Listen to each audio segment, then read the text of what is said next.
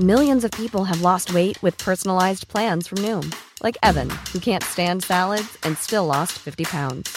Salads, generally, for most people, are the easy button, right? For me, that wasn't an option. I never really was a salad guy. That's just not who I am. But Noom worked for me. Get your personalized plan today at Noom.com. Real Noom user compensated to provide their story. In four weeks, the typical Noom user can expect to lose one to two pounds per week. Individual results may vary. Hey, it's Danny Pellegrino from Everything Iconic. Ready to upgrade your style game without blowing your budget? Check out Quince. They've got all the good stuff shirts and polos, activewear, and fine leather goods, all at 50 to 80% less than other high end brands. And the best part? They're all about safe, ethical, and responsible manufacturing. Get that luxury vibe without the luxury price tag. Hit up quince.com slash upgrade for free shipping and 365 day returns on your next order. That's quince.com slash upgrade. Yes, velkommen tilbake til en ny episode av Utlendingsnemnda, representert med den minst uh, uh, melaninrike i forsamlingen. Uh, jeg heter da Marius Solberg og skal lede denne episoden som har fått tittelen Getto. Eh, og det er egentlig basert på at jeg leste en bok for noen år siden som gjorde at jeg tenkte shit. Eh, det er jo et ord som man liksom, i hvert fall i min rappverden, bruker som en sånn betegnelse for å legitimisere rappinga si og den triste historien, og som hvor alle rappere Alt som skal til for at en rapper claimer det ordet, er kanskje en blokk et eller annet sted. Den ene, finne den ene blokka. Det er jo på en måte et ord som vi eh, sleiver litt rundt oss, og som betyr forskjellige ting for forskjellige mennesker. Eh, Noen bruker det jo mot folkegrupper, noen bruker det for å claime folkegrupper. Eh, Så jeg har litt lyst til å snakke om det ordet og betydningen av det, definisjonen. Og selvfølgelig, siden jeg jobber med det jeg gjør, eh, knytte det opp mot eh, rapp. Så eh, la meg introdusere mannen som skrev boken som gjorde meg interessert. Eh, Øyvind Holen. Og til min venstre har jeg Nathan Kahunge. Jule. Jules. Føler vi har ikke løst det der å gjøre det her på en sånn knirkefritt måte å introdusere folk. Syns Ida klarte det veldig bra i seg. Ja, ok. Ja. Bare jeg syns jeg synes det i seg. Hun kjente veldig mye på det, så det betydde noe for henne. Ja. Um, vi kan jo begynne med Du har skrevet en bok som heter 'Getto'. Du har skrevet mange bøker, eh, og mange kjenner deg kanskje som en eh, litt sånn hiphop-journalist. Eh, hva var grunnen til at du ville skrive en bok under tittelen 'Getto'? Det var vel en ganske lang prosess, egentlig. da. Jeg skrev eh, Begynte liksom som forfatter med, med å skrive norsk hiphops eh, tidlige historie, hiphop-hoder, tilbake i 2004. Eh, og, og så når jeg skrev den, så slo det meg liksom at mange førstegenerasjons eh, norske hiphopere kom jo liksom fra Oslo ytre øst, eh, og jeg kommer selv fra Groruddalen. Eh, Det var mye hiphop-historie der, eh, og, og, og jeg innså etter hvert at det var ingen som hadde skrevet Groruddalens moderne historie heller. Så da fortsetter jeg nesten sånn sømløst med å skrive den. Eh, Og den høsten den kom ut, det var høsten 2005, eh, da var det noen voldsomme opptøyer i, eh, i forstedene utenfor Paris. Og da begynte man umiddelbart å frykte å snakke om franske tilstander. Det var, var noe, det var koblet, det var, I dag vil vi kanskje tenke på det som svenske tilstander. Det blir liksom opptøyer og brennende biler og sånt. Og da, da var det liksom som om man automatisk trodde at dette kom til å spre seg til Oslo, nesten som en sånn luftbåren smitte. Ikke luftbåren engang, altså det var en ideologisk eh, smitte. Fordi Altså, Hva var liksom likhetstrekket mellom det var, det var veldig store forskjeller mellom de franske forstedene og de, de norske, men det ene likhetstrekket var jo liksom at det bodde mange som var brune i huden der. Så, så man tenkte liksom da at eh, fordi det er en viss likhet mellom eh, befolkningen i Groruddalen og i de franske forstedene, så er det en fare for opptøyer der også. Og dette har man jo også tok jo mange år da, før jeg liksom tok opp eh, tråden med dette her igjen. da, men uh, sommeren eh, 2018, da jeg hadde skrevet av oppfølgeren til Hiphop-hoder, så, så kom det regjeringen rykket ut og advarte mot, mot, uh, mot gettotilstander, eller utsatte områder, som man eh, gjerne kaller det. Omtrent i akkurat de samme bydelene som jeg hadde besøkt for å intervjue rappere. Uh, altså Da følte jeg at liksom, nå, nå må, nå må liksom ta tyren med horn her og, og, og, finne ut hva som ligger i dette her. da. Så, så getto er liksom noe man har det, det, er jo både som du sier, det er både et smykke da, som man kan skryte av, men det er også et skjellsord. Det er, er veldig avhengig av hvem som sier det. Er det liksom rapperen, eller er det Sylvi Listhaug som peker på, på rapperen? Eh, men det er et ord som brukes, og brukes litt sånn bevisstløst. Hva ligger egentlig i det? Eh, og hvor lenge har det vært brukt? Eh, jeg fant ut at dette har jo vært i bruk i Oslo i siden iallfall i 50 år. Lenger enn jeg, omtrent like lenge som jeg har levd. Og det har jo da veldig grovt sett så har det, så det forfulgt de første ikke-vestlige innvandrerne. Hvis noen ikke-vestlige innvandrere har bestemt seg for å, å, bosette seg omtrent ikke så langt unna hverandre, så kommer liksom gettofingeren med en gang. Det begynte liksom på Tøyen og Grønland med, på 70-tallet med, med, med, i hovedsak Det var jo pakistanere som var den største innvandrergruppen da. Og, og, og i gettobegrepet har liksom fulgt norskpakistanerne på deres klassereise. For de jo, bodde jo kummerlige kår på Grønland og og Tøyen på 70-tallet. Og Så har de liksom kommet seg oppover fram i samfunnet, flytta ut i drabantbyen, fått seg hage og blokk og, og, og større leiligheter.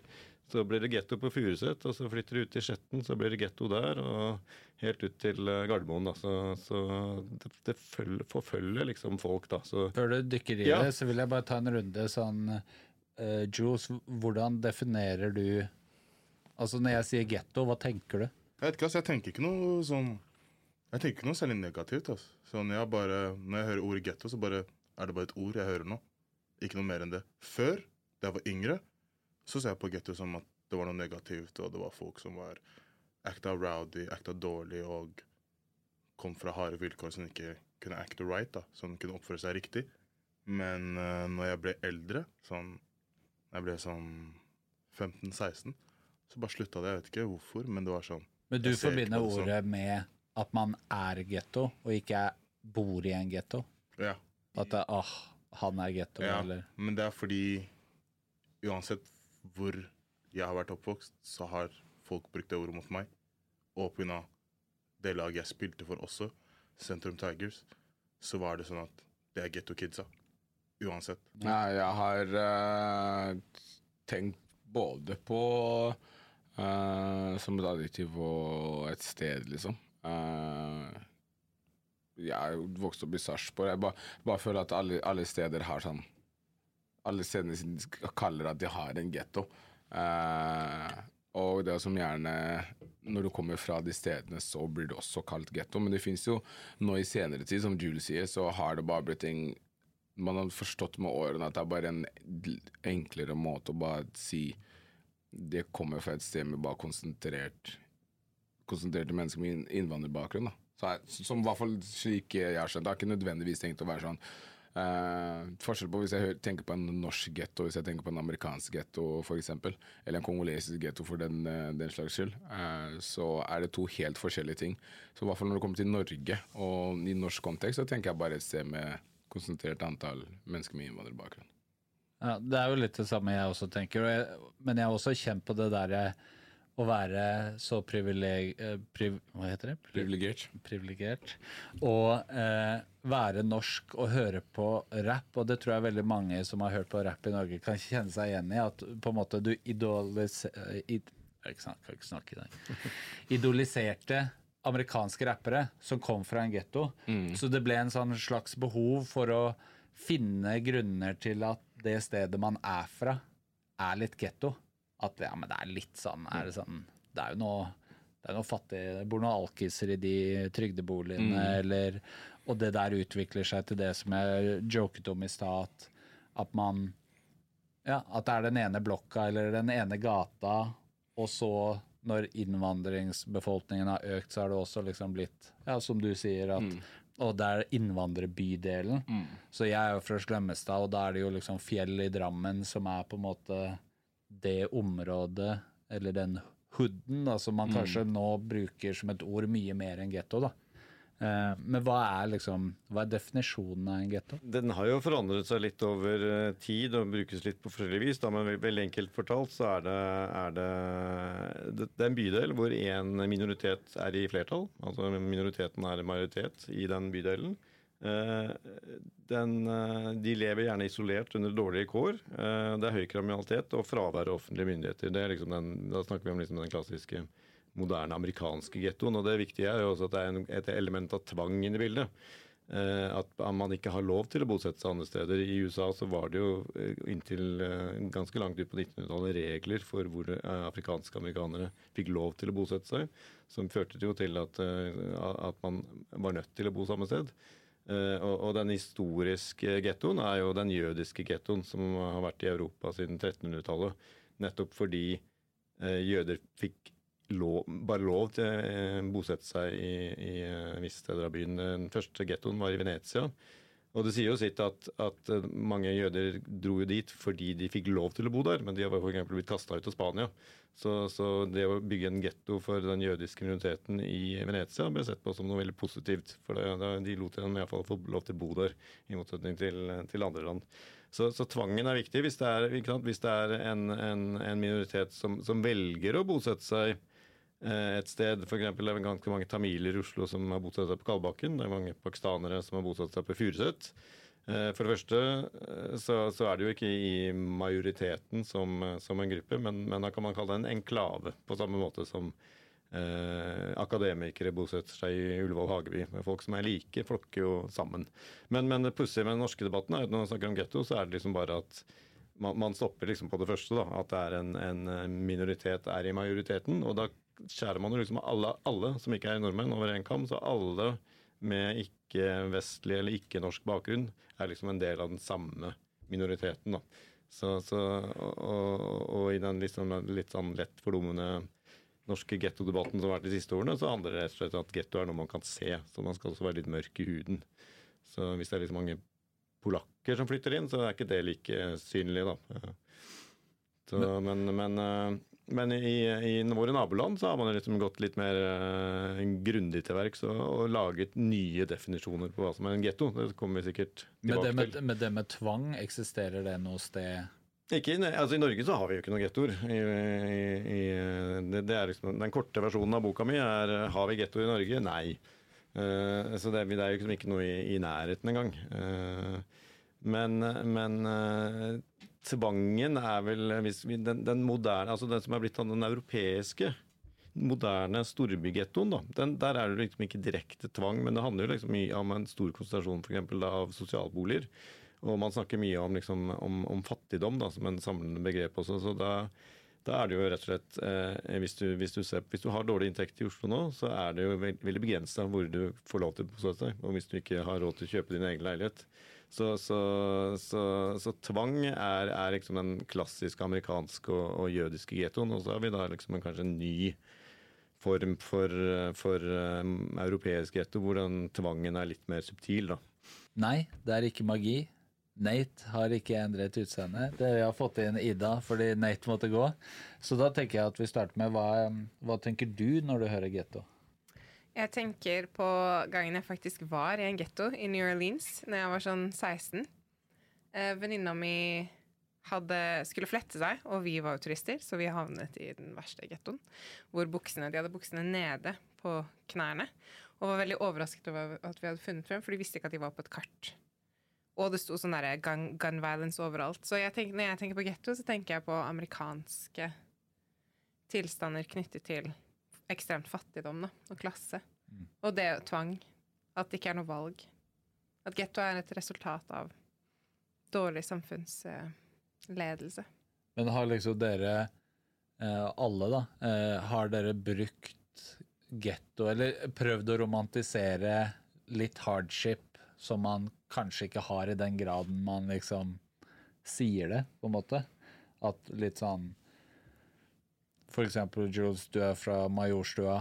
Har du liksom claimet det hardere enn det der, eller liksom Man prøvde å finne liksom Når jeg satt Majorstua, Jeg har aldri claima at Majorstuen er et hardt sted. Jeg har aldri claima at liksom der blokka eller hvor jeg bor, er et hardt sted. Men jeg har opplevd mye mer Hva skal jeg si Fattigdom enn det folk tror. Bare fordi jeg er fra Majorstuen. Så når jeg snakker om noen ting, så er det sånn det er faktisk realiteten min. Som Det er noen dager man dunker søvn til frokost, wallah. Eller dunker Jeg mener søvn til Man dunker søvn til middag, liksom. Fordi man ikke har råd, eller mamma er på nattvakt, skjønner du. Så er det liksom De tingene der for meg har alltid vært vanlig, så når vi snakker om det, så er det sånn Jeg ser ikke på det så, så bad, fordi man har hatt det bra, man enjoyer seg selv. Så liksom også hvorfor Og det fikk meg til å sitte og tenke når Ida snakket om New Orleans-saken, så eller New Orleans, så fikk meg tenke sånn Familien min i London, de bor i getto der. Jeg har aldri tenkt over det når jeg har dratt dit når jeg var kid. For det er alltid hva jeg har sett i London, og det var koselig. og jeg hadde det gøy. Så, snakk, så når jeg ble sånn 15 år, så sa noen til meg hvordan de hadde det i London. Og det var noe helt annet fra hva jeg har opplevd. Så var jeg sånn Oh, shit! Jeg har jo, Hvordan de lever, er jo helt different. Så jeg har aldri tenkt på det som negativt. Det er sikkert derfor. Så nei, ass. Det er, jeg har aldri dratt den. Jeg har aldri claima at jeg er hardere enn det jeg er. Men de tingene jeg har opplevd av det der, kommer jeg alltid til å være ærlig om. Uansett hva folk sier til meg. Du da, Øyvind? Eh, Jeg har vel ikke claima det, men, men det er veldig lett å Jeg er jo fra Groruddalen, eh, og det er veldig lett å, å ha et element av det, er veldig lett å skryte av det hvis man er derfra. Man liksom, folk, folk blir liksom imponert. eh, og, og litt, og har de, de er ikke misunnelige, men det er liksom sånn, du kan ikke skryte av å komme fra Bærum. Eh, Det er vanskelig. Men du kan liksom skryte av å komme fra Groruddalen. Og jeg, jeg, jeg, jeg, jeg, jeg skryter ikke av det, men hvis noen liksom har litt sånn feiloppfatninger av hvor tøft det er, så har, har jeg ikke protestert heller. Er liksom, eh, da kan man liksom stole seg litt i, i glansen. Og det skjedde vel eh, når jeg vokste opp, så, så var, jo, var jo Groruddalen min lille verden. Fra, fra Furuset til Tveita. Nei, til Haugerud. Tveita var litt langt unna. Eh, Så, så det var, det var. Men når jeg begynte på videregående i sentrum, så merka jeg det. Eh, og, og En av de første dagene på skolen så var en av de tøffeste gutta i klassen kom og sa at han liksom var fra Han var liksom en del av Sandhakke-gjengen. Eh, og, og følte seg litt eh, høy på det. da Spurte hvor jeg er fra. Nei, jeg er fra, fra Lindeberg. da Og da, da hadde da den tøffeste, mest brutale gjengen i Oslo på den tida var Ellingsrud-gjengen, som var to T-banestasjoner unna. Sånn, å shit, kjenner du noen i Ellingsrud-gjengen, eller? Altså, jeg benekter det ikke. Jeg bare liksom, ja, ja. Men det jeg ikke sa, var at jeg hadde vært på Ellingsrud en gang i hele mitt liv. Når jeg skulle sjekke ut når T-banestasjonen åpna, så vi ta, tok vi en titt. Ok, ja, spennende. Og så dro vi igjen. Men, men liksom da å få antydet at man kanskje kjente noen i Ellingsrud-gjengen, det var liksom eh, valuta i skolegården da. Jeg er jo fra Vokste opp på Grønland. Um, og jeg husker når vi reiste rundt utenfor vår bydel, så var jo Grønland veldig beryktet på den tiden. Getto Grønland. Ja, ish. Det er i hvert fall ikke noe nå. Nå er det jo gentrifisert. Men ja, jeg husker det var en form for valuta, at man kanskje var skumlere eller hadde alltid noen brødre eller, eller såkalt brødre som passet på deg, da. Så var jo for eksempel Før i tiden så var hore et skjellsord. Eh, og nå, jeg, det var ingen som turte å kalle meg det, for eksempel, fordi jeg var fra Grønland. Da visste de at de kunne få bank av noen andre. Så det er jo sånne type ting. Man spilte kanskje på det. Men så hadde man Ricky Lake-versjonen, som var sånn eh, at man kalte det getto, og man, man tok til seg de, den kulturen, da. Det var jo litt uh, Jules sa i stad, at det er jo på en måte flere definisjoner av det ordet. For du kan oppføre deg i getto, og så kan du være fra gettoen. Og litt sånn som det du sa, Ida, at på bygda hvor jeg er fra, så var det å kjenne noen Altså sånn Da var det nok å være fra Oslo. At sånn ah, Fetteren til Trine i C-klassen er fra Oslo. Pass deg for altså sånn, Så det der har jo vært en sånn valuta man har hekta seg på. Og vi også, på en måte. Jeg er jo fra et sånn område med For det første så var man jo 90-tallsblakk på 90-tallet, så alle har en eller annen sånn historie om det å være blakk, og ordentlig blakk. Men mye sosialklienter, mye sosialboliger eh, osv. Og, og det var jo også noe man forsterka og skrudde opp og bygde på.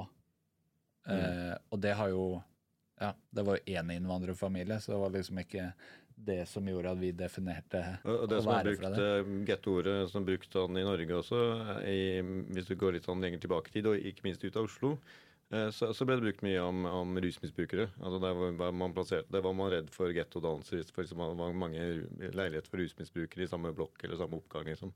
Så, så, så rusmisbrukere var jo også da en tidlig liksom, sånn stigmatisert gruppe som man da helst ikke ville ha. Men eh, så apropos Grønland, når jeg gikk rundt og ikke hang med Ellingsrud-gjengen, så, så, så sa jo eiendomsmeglere i Oslo at det var eh, nesten umulig å få seg solgt leiligheter til nordmenn i, i gettomarkeder. Og da mente de Grünerløkka, Tøyen og Grønland. Det var liksom gettomarkeder. Omtalte de det sånn. Det er jo absurd å tenke på nå at det var liksom vanskelig å få solgt leiligheter i, i gettoen i Oslo. Det er vel en legendarisk historie om da amerikanske rapperen Pete og produsenten Pete Rock spilte på en sovebåt i Oslo. Så, så fant en i plateselskapet ut at han, at han skulle vise han gettoen i Oslo. Så, så han tok han på en liten sightseeing på Grønland. Da. Jeg vet ikke, historien tier dessverre om hva Pete Rock sa om dette, men jeg tror ikke han var så han, jeg tror han ble litt fornærma at han, de trodde at han ville se, se gettoen. Du får sånn derre Du får sånn Det blir jo litt sånn som de der getto-safari-greiene Ja. som folk har holdt på med og sånn, da. Men det, grunnen til at jeg ville liksom eh, lage denne episoden, var jo også det der etter å ha lest boka di, så satt det veldig sånn ting i perspektiv for meg, og at fordi getto og det der eh, ut, er jo også noe som, ja, som du også nevnte i stad, blir brukt politisk. At det er jo en sånn der, ah, vi må passe oss for dette og dette og dette, og nå er det getto, og nå er det sånn og sånn.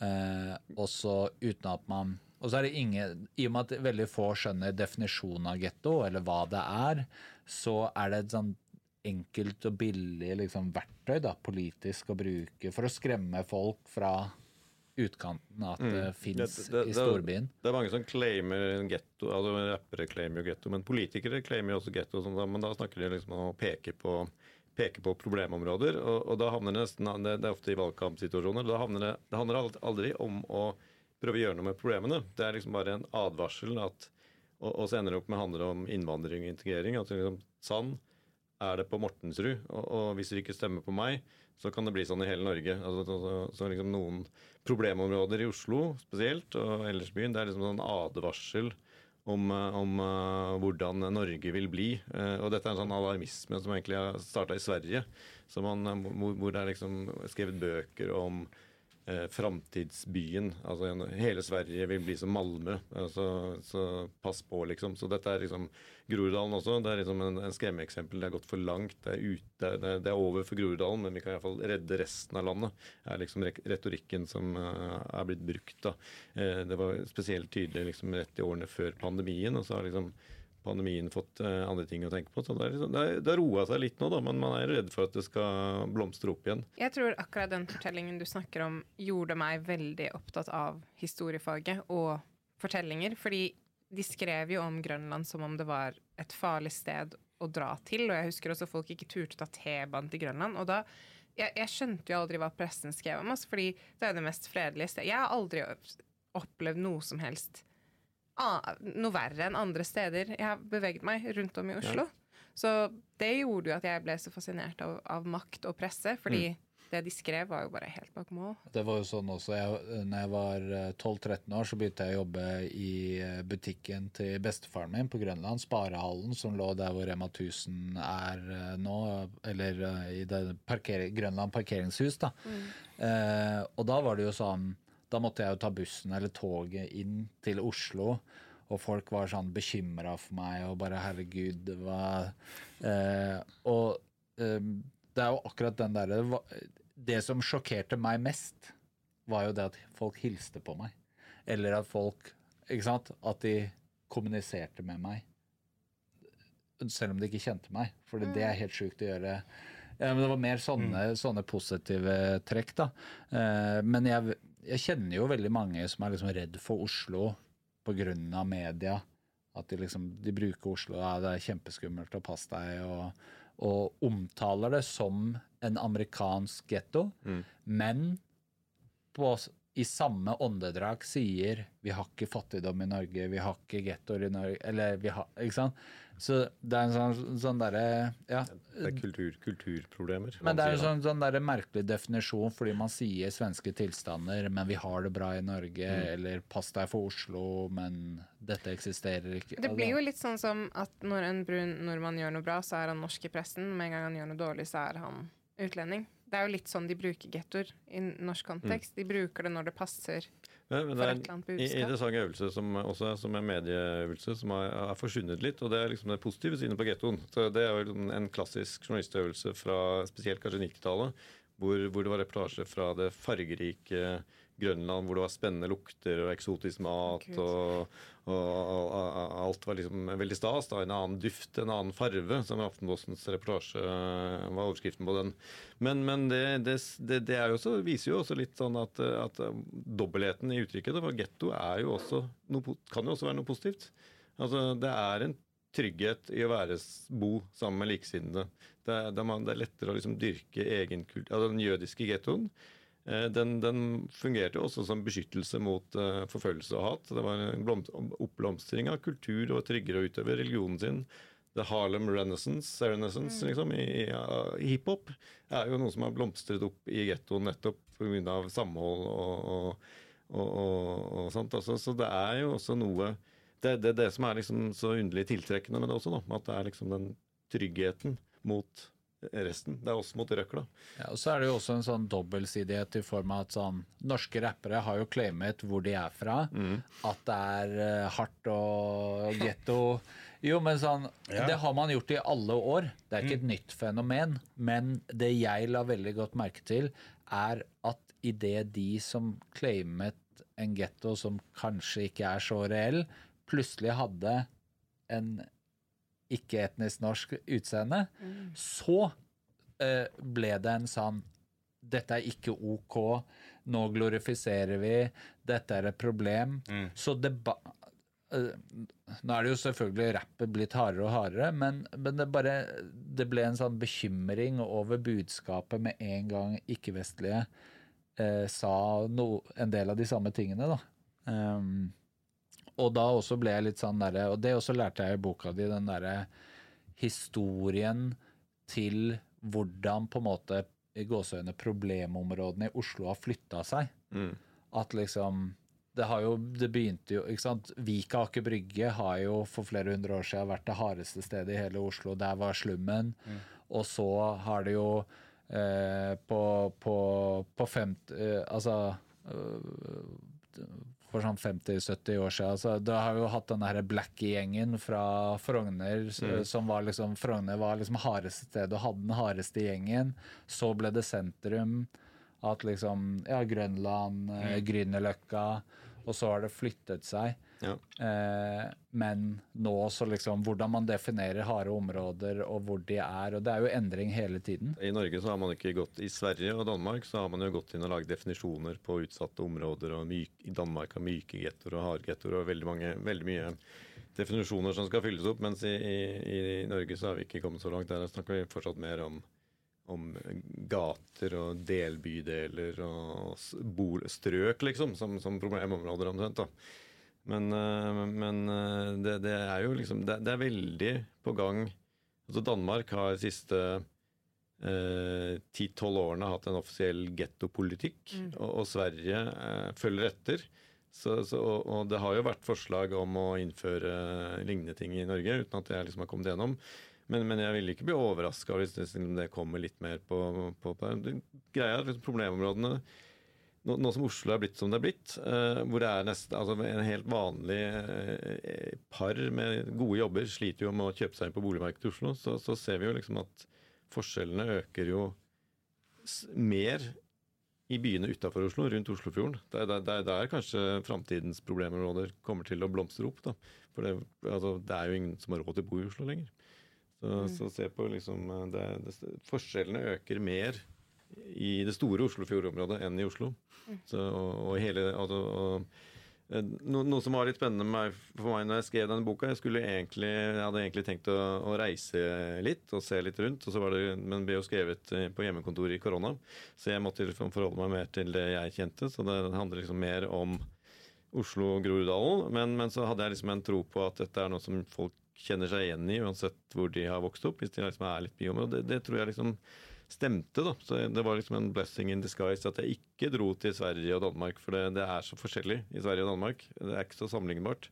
Men i, i Norge så er det sammenlignbart. at det, det var NRK intervjuet meg, så har det en fotograf norsk-peruansk fotograf som var med på turen. Eh, han kunne fortelle at de hadde en getto på Karmøy, der hvor han eh, kom fra.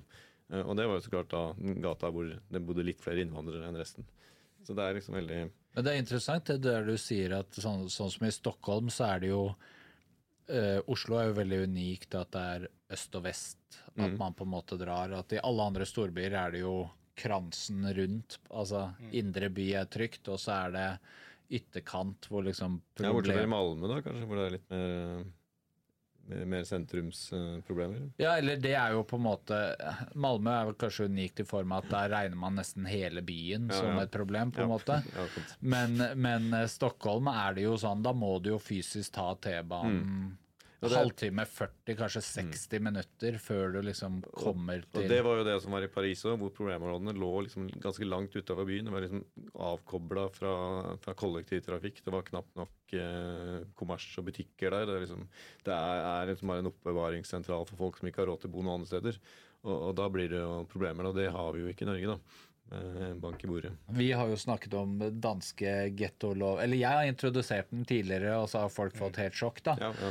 Men jeg tenkte jeg bare skulle si hva liksom definisjonen for eh, for eh, altså hvordan de definerer det, da. Og i Danmark så er det da Transport-, bygnings- og boligdepartementet som siden 2010 har definert gettoer i Danmark. Eh, det er da 43 områder i Danmark som er utsatt. 29 områder oppfyller gettokravet, og fem omtales som harde gettoer, dvs. Si at de har vært eh, myke gettoer i en årrekke, og da eh, omklassifiserer man som harde gettoer.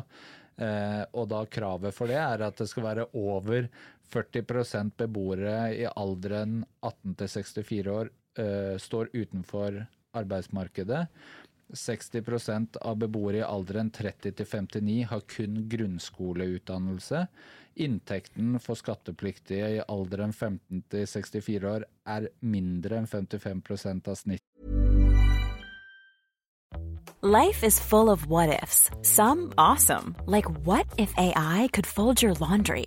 And some, well, less awesome, like what if you have unexpected medical costs? United Healthcare can help get you covered with Health Protector Guard fixed indemnity insurance plans. They supplement your primary plan to help you manage out of pocket costs. No deductibles, no enrollment periods, and especially no more what ifs. Visit uh1.com to find the Health Protector Guard plan for you. Hey, it's Ryan Reynolds, and I'm here with Keith, co star of my upcoming film, If, only in theaters, May 17th. Do you want to tell people the big news? All right, I'll do it. Sign up now and you'll get unlimited for $15 a month and six months of Paramount Plus Essential Plan on us. Mintmobile.com slash switch. Upfront payment of $45 equivalent to $15 per month. Unlimited over 40 gigabytes per month. Face lower speeds. Videos at 480p. Active Mint customers by 531.24 get six months of Paramount Plus Essential Plan. Auto renews after six months. Offer ends May 31st, 2024. Separate Paramount Plus registration required. Terms and conditions apply if rated PG. for bruttoinntekt, og andelen beboere dømt for kriminell, eh, kriminelt virksomhet i området er tre ganger høyere enn landsgjennomsnittet. Da i tillegg til at det er over 50% innvandrere. Så det er ganske mange Så det å være innvandrer er også et kriterium? Ja, det er grunnkriteriet. Ja, det, det, det er Over 50 innvandring Innvandrere. eh, er liksom Det er grunnkriteriet, men så må du da ha eh, utdanning, arbeidsledighet, økonomi og det i tillegg, da. tror jeg skriver det at det er første gang i historien at noen myndigheter har utropt områder til getto fordi befolkningen har innvandrerbakgrunn. Shit, ass, det er så racist, det. Eh, boka mi er jo ikke noe sånn eh, forsøk på å renvaske Oslos drabantbyer, eller noe sånt, eh, men med heller vise at liksom, problemene er de samme. Viser røde trådene fra 1900-tallet til 2000-tallet. Men den store forskjellen er jo at, eh, at på, på, fra 19, altså Drabantbyen ble bygd, og så var de veldig positive på 50- og 60-tallet. Og så ble det etter hvert sånn problemorientert, samtidig som liksom den første drabantbygenerasjonen vokste opp og problemene kom. da, Så snakket man om da var det drabantbyproblemer. og Det var veldig mye ungdom, og det var kriminalitet. og Det var er mer eller mindre det samme som er nå. da. Men da var det gjerne, det som gjerne fikk skylden, var liksom arkitekturen, eh, fattigdom, eh, eh, menneskefiendtlige boligområder. Eh, mens på 2000-tallet så er det, er det ikke lenger noen som skiller på arkitekturen, men det er liksom de som bor i arkitekturen som er problemet. Og det er jo da naturlig på den danske løsningen her. at eh, hvordan skal man, eh, hvordan skal man endre en getto? Jo, man skal bytte ut innbyggerne. Det er jo det, det, er det som er den enkleste løsningen. Så det som skjer, er jo at for hvis man liksom tipper over at det er liksom for mange innvandrere, for mange kriminelle og for mange fattige blant beboerne, så er det jo da Da kan man f.eks. privatisere sosialboliger. eh, Rive boliger kan man gjøre. Man kan få folk til å flytte ut. Hvis, det, hvis innvandrerandelen går ned, så er det ikke lenger en getto. Ja, I Danmark så er det jo da sånn at eh, folk blir tvangsflyttet fordi de har liksom kommet over en, eh, en brøk.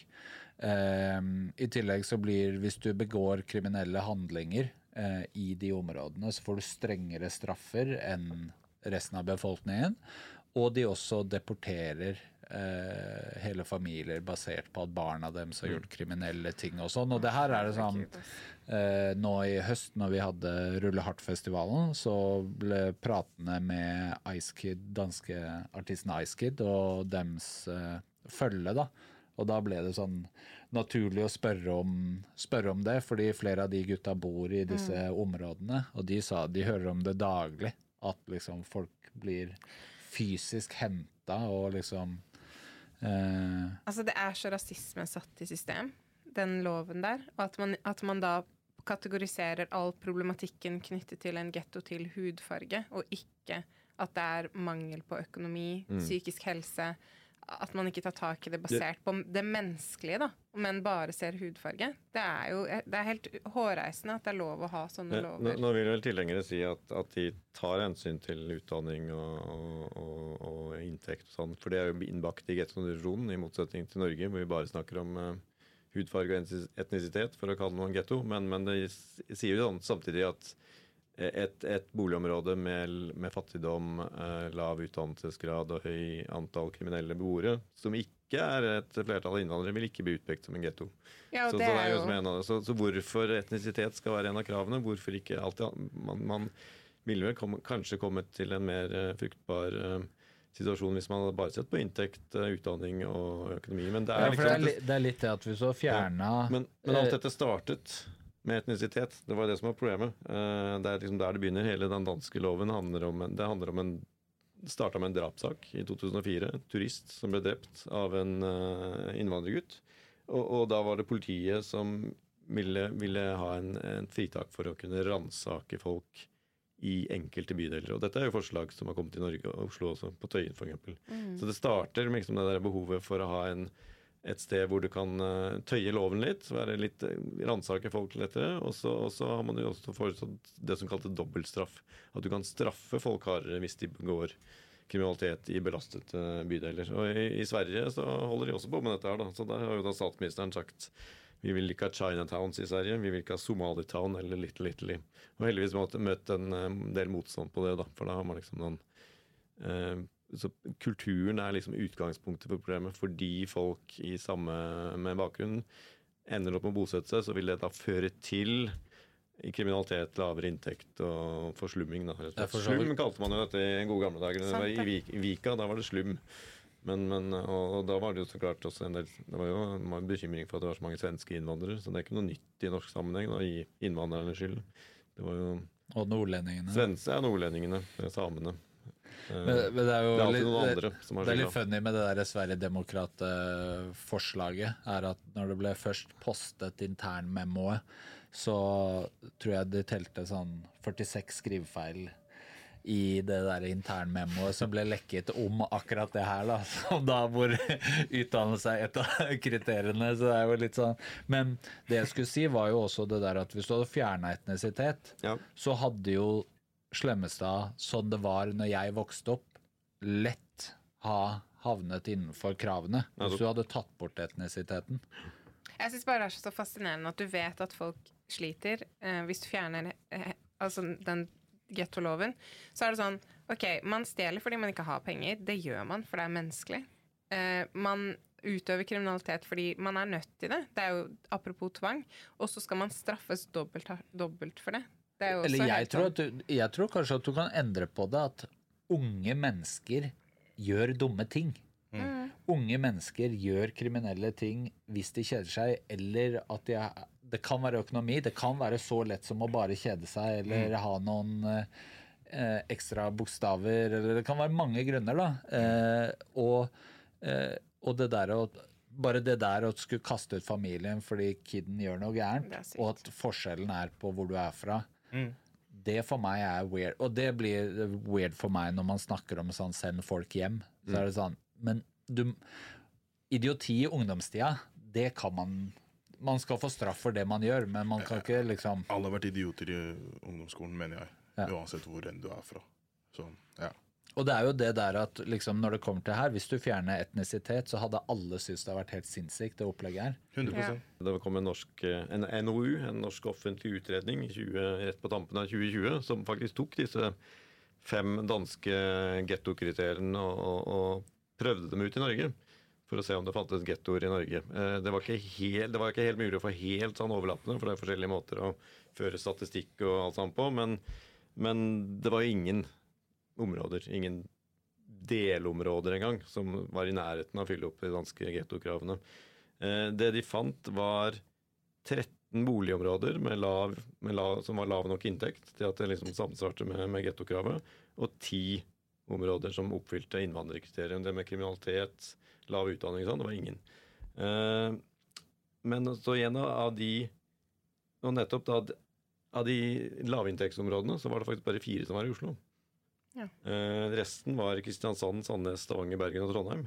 Så, så folk har dårligere råd utenfor Oslo. Det er ikke så, det er nettopp det å si at de blir skvist ut, de med lav inntekt. Så, og, og, og, og, eh, og de andre at Det er to Fire lavinntektsområder i Oslo som har eh, Og Grønland og Tøyen Tøyen har fyller ikke innvandrerkravet lenger. Så vi er nå, nå er vi nede på Gentrifisering. del, nå er vi. Nå er vi ikke på bydelsnivå, vi er nede på det som heter delbydeler. Altså Hver bydel i Oslo er delt opp i delbydeler. Og da er det to delbydeler i hele Oslo som oppfyller to av de fem danske gettokravene. Det er Fossum og Vestli. Helt ut i nordøst i Groruddalen. Der er det liksom lav inntekt og mange innvandrere. Så det er liksom det. Men igjen, det, folk blir skvist ut. Så det, der vil man nok eh, også da opprette balansen med at de fattigste flytter ut. Det finnes fattigdom i Norge, men, men, men greia er at det er ikke konsentrert. Så interne forskjellene i bydelene er, er, øker. Liksom, men, men det er ikke sånn at bydeler blir preget av fattige mennesker. Men, men det er jo så klart større interne forskjeller i flere byer. Og det kan jo også være et, eh, et stort problem, så klart. Men, men eh, fattigdommen Vi sprer fattigdommen eh, rundt fortsatt. Den samles ikke opp på enkelte områder. Eh, men, men det skumle er jo da hva, hva hadde skjedd hvis vi liksom var mange bydeler som var utsatte områder? Ville vi da i Norge begynt å snakke mer om, om å gjøre noe og igjen innføre disse gettodefinisjonene som er i, i Sverige og Danmark? Det er jo, de, er jo, de er jo farlig nær, sånn sett. Jeg tenker jo generelt I Europa så ser man jo en oppblomstring av høyreekstremister som Mm. har fått plass i politikken rundt om. Så det er jo bare spørsmål om tid før det kommer hit. Men jeg håper jo at vi Vi har jo et ganske sterkt antirasistisk miljø med sterke antirasistiske fagpersoner som jobber aktivt mot sånne lover. Mm. Så vi må jo bare Jeg tror ikke man skal sove på den tematikken Mm. her. Men på den andre siden så er det sånn Grudalen er jo nå i, som helhet vel akkurat passert grensa hvor det flertall er ikke-norske. Men allikevel så er det nesten ingenting som er i nærheten av å oppfylle getokriteriene. Så, så det, det er en, dette, dette er sånn avansert eh, forskning, men det er en fyr på Blindern som eh, forsker på, på Oslo øst og vest. Og, og den tradisjonelle Oslo nei, Oslo-greia er at folk bosetter seg først i Oslo øst, og så aspirerer de mot å flytte til Nordstrand eller vestover. Så når inntektene øker for noen, så flytter de videre. Og det gjør jo at inntektsforskjellene blir store. De rike er i vest, de fattige i øst. Men, eh, men man ser en tendens med innvandrerbefolkningen. De tjener også mer etter hvert, men de flytter ikke vestover.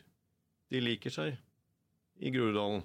Ja. De blir boende der. Det er som Dag Solstad skrev, det kan virke som de trives, bare mistanken gjør meg stiv av skrekk. Eh, så der og Det vil jo da føre til at inntektsforskjellene, hvis det fortsetter sånn, så blir inntektsforskjellene mellom vest og øst eh, minke. Mens da den kanskje etniske segregeringen vil øke. Jeg savner jo litt eh, at Tøyen Tøyen var litt getto. Ja. for sånn. For ærlig, jeg husker når de begynte å forske på det, gentrifiseringen, så var det en som skulle lage en utstilling. Så sa jeg sånn, ja, før så følte jeg at jeg kunne gå inn i alle rom og være meg selv og si Mm. ting jeg mente, litt sånn som på denne podkasten. Men når det er masse, masse hvite rundt om, så føler jeg at ja, det er litt mer sånn overvåkningskultur. Ja. Det er litt mer sånn Noen ringer plutselig barnevernet, eller Ikke at det er noe Men skjønner du hva jeg mener? Det er en annen At kultur. nabokjerringa fra ja, bygda har nabokjerringa fra kommet bygda har kommet og skal snitche, liksom. Så det er en annen kultur som er Mm. blomstret fram. Et stort utfordring for Oslo er jo liksom et stort gjennomtrekk av folk også. da, At folk Ja. flytter videre og sånn. og det tror jeg kanskje, Nå, nå sies det vel at det aldri har bodd så mange barn i Oslo sentrum som det gjør nå. Mm. Men, men jeg tror også liksom det er små barn. Eh, For, det, for det, hvis du liksom har råd til det, og får, du, hvis du får to barn, og hvis du får, jeg får hvis du tre barn, så er det veldig vanskelig å finne store nok leiligheter. Mm. Så du ser liksom at Tøyen-området blir jo veldig gentrifisert, mens Tøyen skole er ikke det. Mm. Eh, Så, så det, vi antyder jo liksom da at, at eh, det er unge barnløse som flytter inn, kjøper dyre leiligheter, så får de barn, og så når skolen begynner, da flytter de videre. Der hvor jeg er fra, har jo nå blitt et eh, vestkantaktig sted, Ja. fordi eh, spesielt nå med sammenslåinga hvor eh, det har blitt en del av Asker, så har det blitt et sted hvor du flytter du bor i byen, og så skal du få barn, og du har behov for hus, eller sånn, så er det billigere, men det er fortsatt det der i Asker, du kan si det er i Asker og sånn, så veldig mange har flyttet fra vestkanten til den regionen. Eh, og da har det jo på en måte Så de historiene jeg har fra når jeg vokste opp, det stemmer jo ikke med det stedet lenger. Fordi nå har det blitt pussa opp, bedre økonomi, det har jo på en måte Det er en slags gentrifisering Nå der jeg- også, at det brer seg, da. Litt sånn som du snakket om i skal stad. kaste en liten brannfakkel her, men, men kanskje problemet til Oslo og andre større byer er at det ikke er noen gettoer lenger. At det ikke er noe som ligner på det engang. Eh, Fordi en, en by trenger upopulære steder å bo. Der hvor de som flytter inn, innflytterne Groruddalen har jo vært innflytterdelen. Om det var liksom fra Nord-Norge, Vestlandet eller Pakistan eller Marokko, så er det liksom der man kommer seg inn. Det er der de med lavest lønn, det er der de alle som gjør drittjobbene, de må jo bo et sted. Eh, og for, en by så er det ødeleggende liksom, at alle er rike og vellykkede og vil ha fine jobber. Så hvem skal kjøre T-banen, og hvem skal kjøre taxien? Eh, så så altså, en dynamisk by har jo fine, dyre boligstrøk, men også litt sånn rosete, fattige og fremfor alt billige. Og tenk på, tenk på sånn, Man alltid snakker om uh, Grünerløkka som uh, oasen for kunstnere og, og musikere og sånt. Altså, Jeg hører det- det- Isak i det fjerne er bli sinna nå. det er mange ma- altså, de som de som bohemene, da. Altså, I New York det er jo ingen, som er, altså, ingen musikere bor i New York lenger. Det er vel bare Cashmere Cat som har Selv Stargate har flytta til California. Så det er bare Cashmere Cat som har råd til å bo i New York. Eh, jeg selv intervjuet eh, hva heter de? Jeg har glemt hva det heter. Eh, en Baltimore-band, liksom. Det var snart for dyrt for eh, musikere å bo i Baltimore. Eh, Seattle, gone. Eh, Portland, for dyrt. Eh, hvor, hvor skal folk bo hvis du ikke liksom er eh, rik? Åssen har Majorstua endra seg fra du var kid til nå? Er det den samme, eller? Det har vært egentlig sånn alltid det samme. Eller først, før, når jeg, bodde, når jeg var yngre, så var det bare gamle folk i de blokkene som bodde der.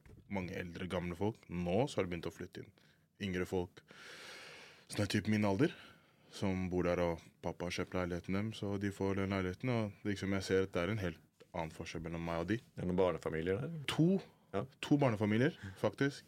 Ehm, men ellers jeg har vært den eneste kiden i de områdene. Ellers har det bare vært mange gamle, hvite folk der. Ehm, men ja, da, jeg vet ikke, ass. Det, for meg så ser jeg ikke noen sånn stor change. Ass. Nei. Det er bare at jeg ser den eneste changen som skjer, er bare at de folka som sikkert er besteforeldrene, har sikkert passa leiligheten til barnebarna sine. Og så ser jeg at de acter litt different enn meg, fordi de har fått noe.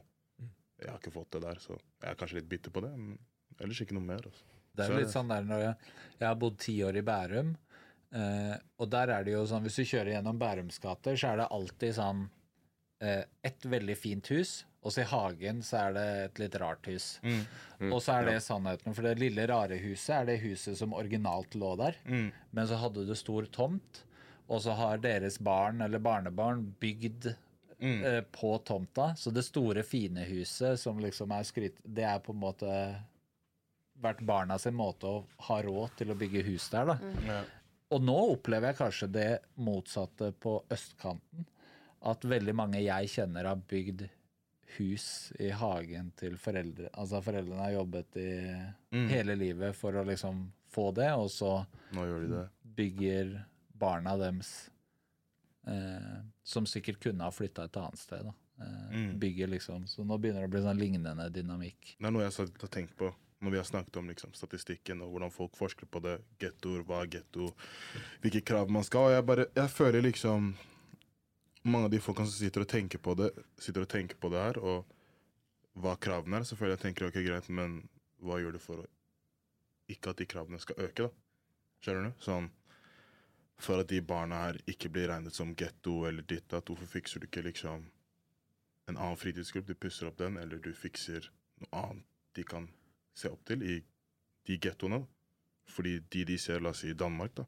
For eksempel de folka de ser som blir kastet, det er de folka som kanskje hjelper dem med bøker eller syk hva enn det er, men tjener penger på feil måte. Men det er fordi han har bare sett den siden av det, ikke sant? Men det er jo klart definert at det er ja, ja, men du kan jo vise at ok, greit, men la oss putte han La oss starte med å putte de som faktisk nå vokser opp, i en bedre posisjon, så at de yngre kan se å ja, vi blir putta i en bedre posisjon, men når du ser at han har en dårlig situasjon, så er det sånn ok, det er den beste posisjonen jeg kan komme inn i. Og så sitter du og forsker på å ja, det er en dårlig posisjon pga. det og det og det, men hva er det Nå har vi forskning på det. Hvorfor, hva gjør vi ikke for å hjelpe at de situasjonene ikke skjer? Det bare blir maker jo- ikke sens i hodet mitt. Da blir det jo sånn symptombehandling. Ja. At det er enklere å pusse på ting eller liksom gjøre noe med symptomet og ikke problemet. Men ja, men det han- det, jeg prøver liksom om? å hjelpe Ja. på problemet også. Sånn, Ja, forebygge. Jo, men det er det jeg mener at jeg tror det bare er enklere for politikere. Eller, og så tror jeg at man ikke skal glemme at politikere de sitter bare Altså de er avhengig av å bli gjenvalgt om fire år. Ja. Så jeg tror at politikk veldig er basert på å gjøre valg Du må ha kjappe løsninger. er. Fordi du må få resultater innenfor fire år for å bli valgt igjen. Eh, og veldig ofte så er det sikkert sånn Det blir som Obama, da. At når han visste at jeg er ikke president neste periode uansett, så kom han med Obamacare.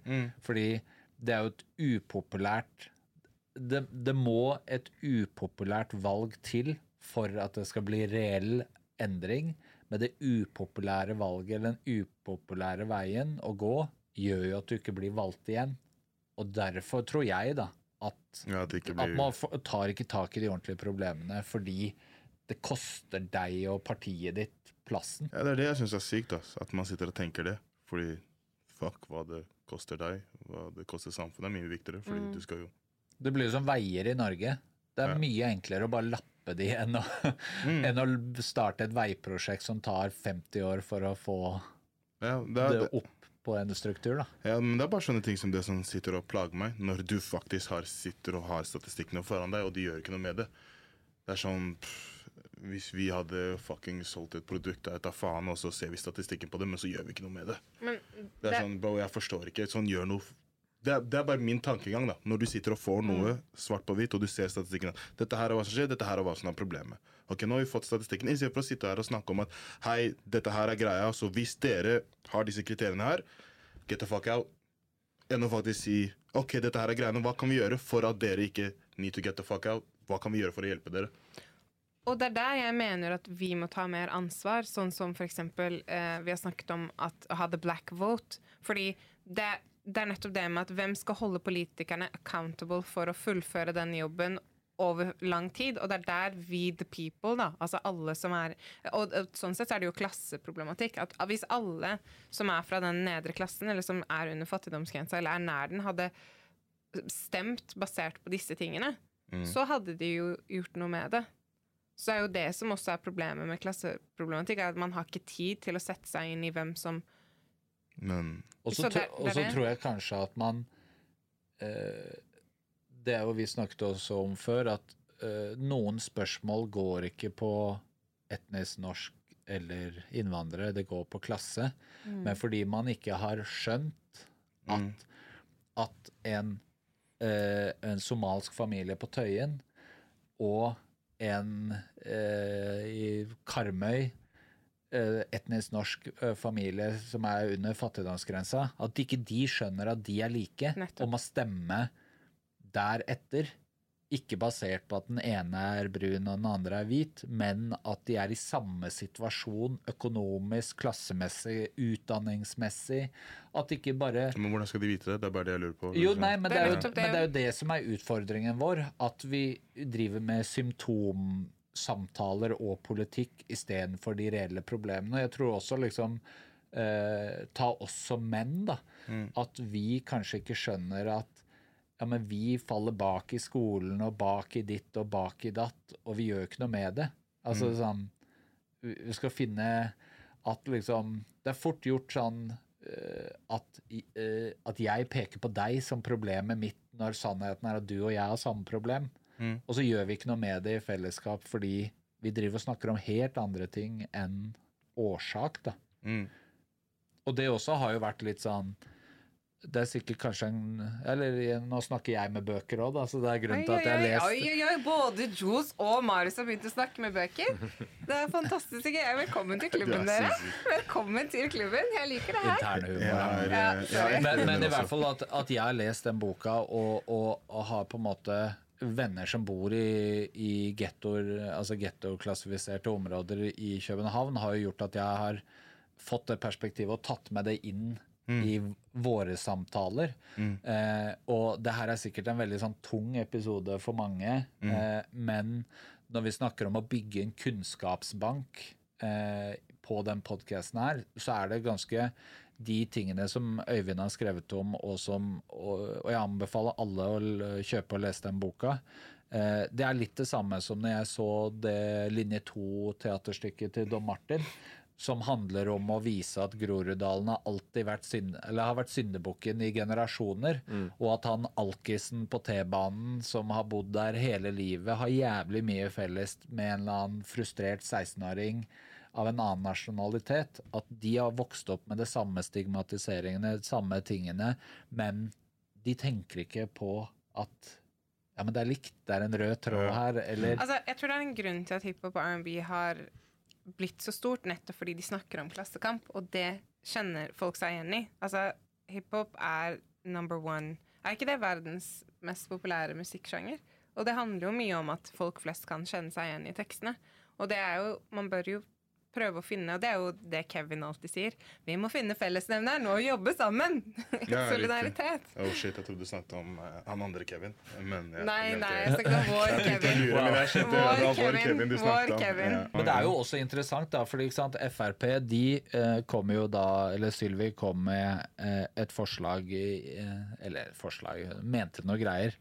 Eh, eh, hvor Frp da eh, kartla innvandrerandelen eh, i Norge, og da eh, ifølge Listhaug så var 67% av beboerne på rommen med innvandrerbakgrunn, og andelen på Haugenstua, Furuset og Fossum da 66, 63, eh, 63 eh, Og hun da kom med forslag om at kommuner som har 15% eller høyere, skulle ikke kunne bosette flyktninger. Eh, så, så det er jo liksom eh, hvis, hvis man ikke kan statistikken da, og leser det der, eller hører hun snakker om det, så tror jeg for mange at det makes sense på en eller annen måte. Men det er fordi at de ikke vet at f.eks. danske gettokriteriet At vi har ikke noe område her som, Som- kvalifiserer Nei. engang. Og det, det er jo derfor jeg begynte å snakke med bøker. Fordi jeg skjønte at de folk som Syl- Sylvi Listhaug snakker bullshit, og derfor måtte jeg finne ut av hvordan kan jeg arrestere det bullshit-argumentet. Jo, det er gjennom å finne ut av hva, hvordan de bruker statistikk. En funny ting med Frp sin bestilling også, fordi de bestiller um, de bestiller rapporter fra Norsk eh, statistisk byrå. De fant jo ut at de hadde jo lagd innvandrere om til kongen og dronningen fordi de begynte å se på generasjoner og ledd. Og da dreit de seg ut, fordi de, de klassifiserte dronningen og kongen vår som innvandrere fordi de har besteforeldre som er svenske. Visste du det?